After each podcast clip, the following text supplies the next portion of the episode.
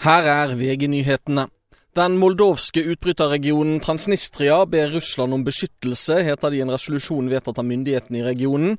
Separatistmyndighetene vil be russiske myndigheter om å innføre tiltak for å beskytte Transnistria, i møte med det de kaller økt press fra Moldova. AFP melder at Moskva anser beskyttelse av innbyggerne i Transnistria som en prioritet. Dette er ganske likt det som skjedde både på Krim og øst i Ukraina, før Russland gikk til anneksjon der.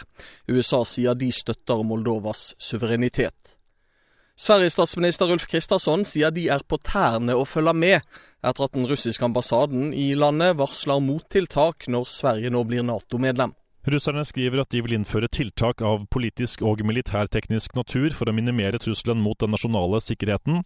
Det er velkjent at Russland misliker at både Sverige og Finland går inn i Nato, men det er jo vi som bestemmer vårt veivalg. Den russiske reaksjonen er ventet, sier Kristersson. Reporter Andreas Hagen Håkonsen. Terrordømte Philip Manshaus er erklært psykotisk på gjerningstidspunktet. Nye sakkyndige har vurdert Manshaus, som i 2019 ble dømt til 21 års forvaring for drap på sin søster og angrep mot en moské. Det kan bety at forvaringsdommen mot ham er feil, og at han isteden skal frifinnes og få en dom på tvunget psykisk helsevern. I studio nå, Thomas Alsaker, nyhetene får du alltid på VG.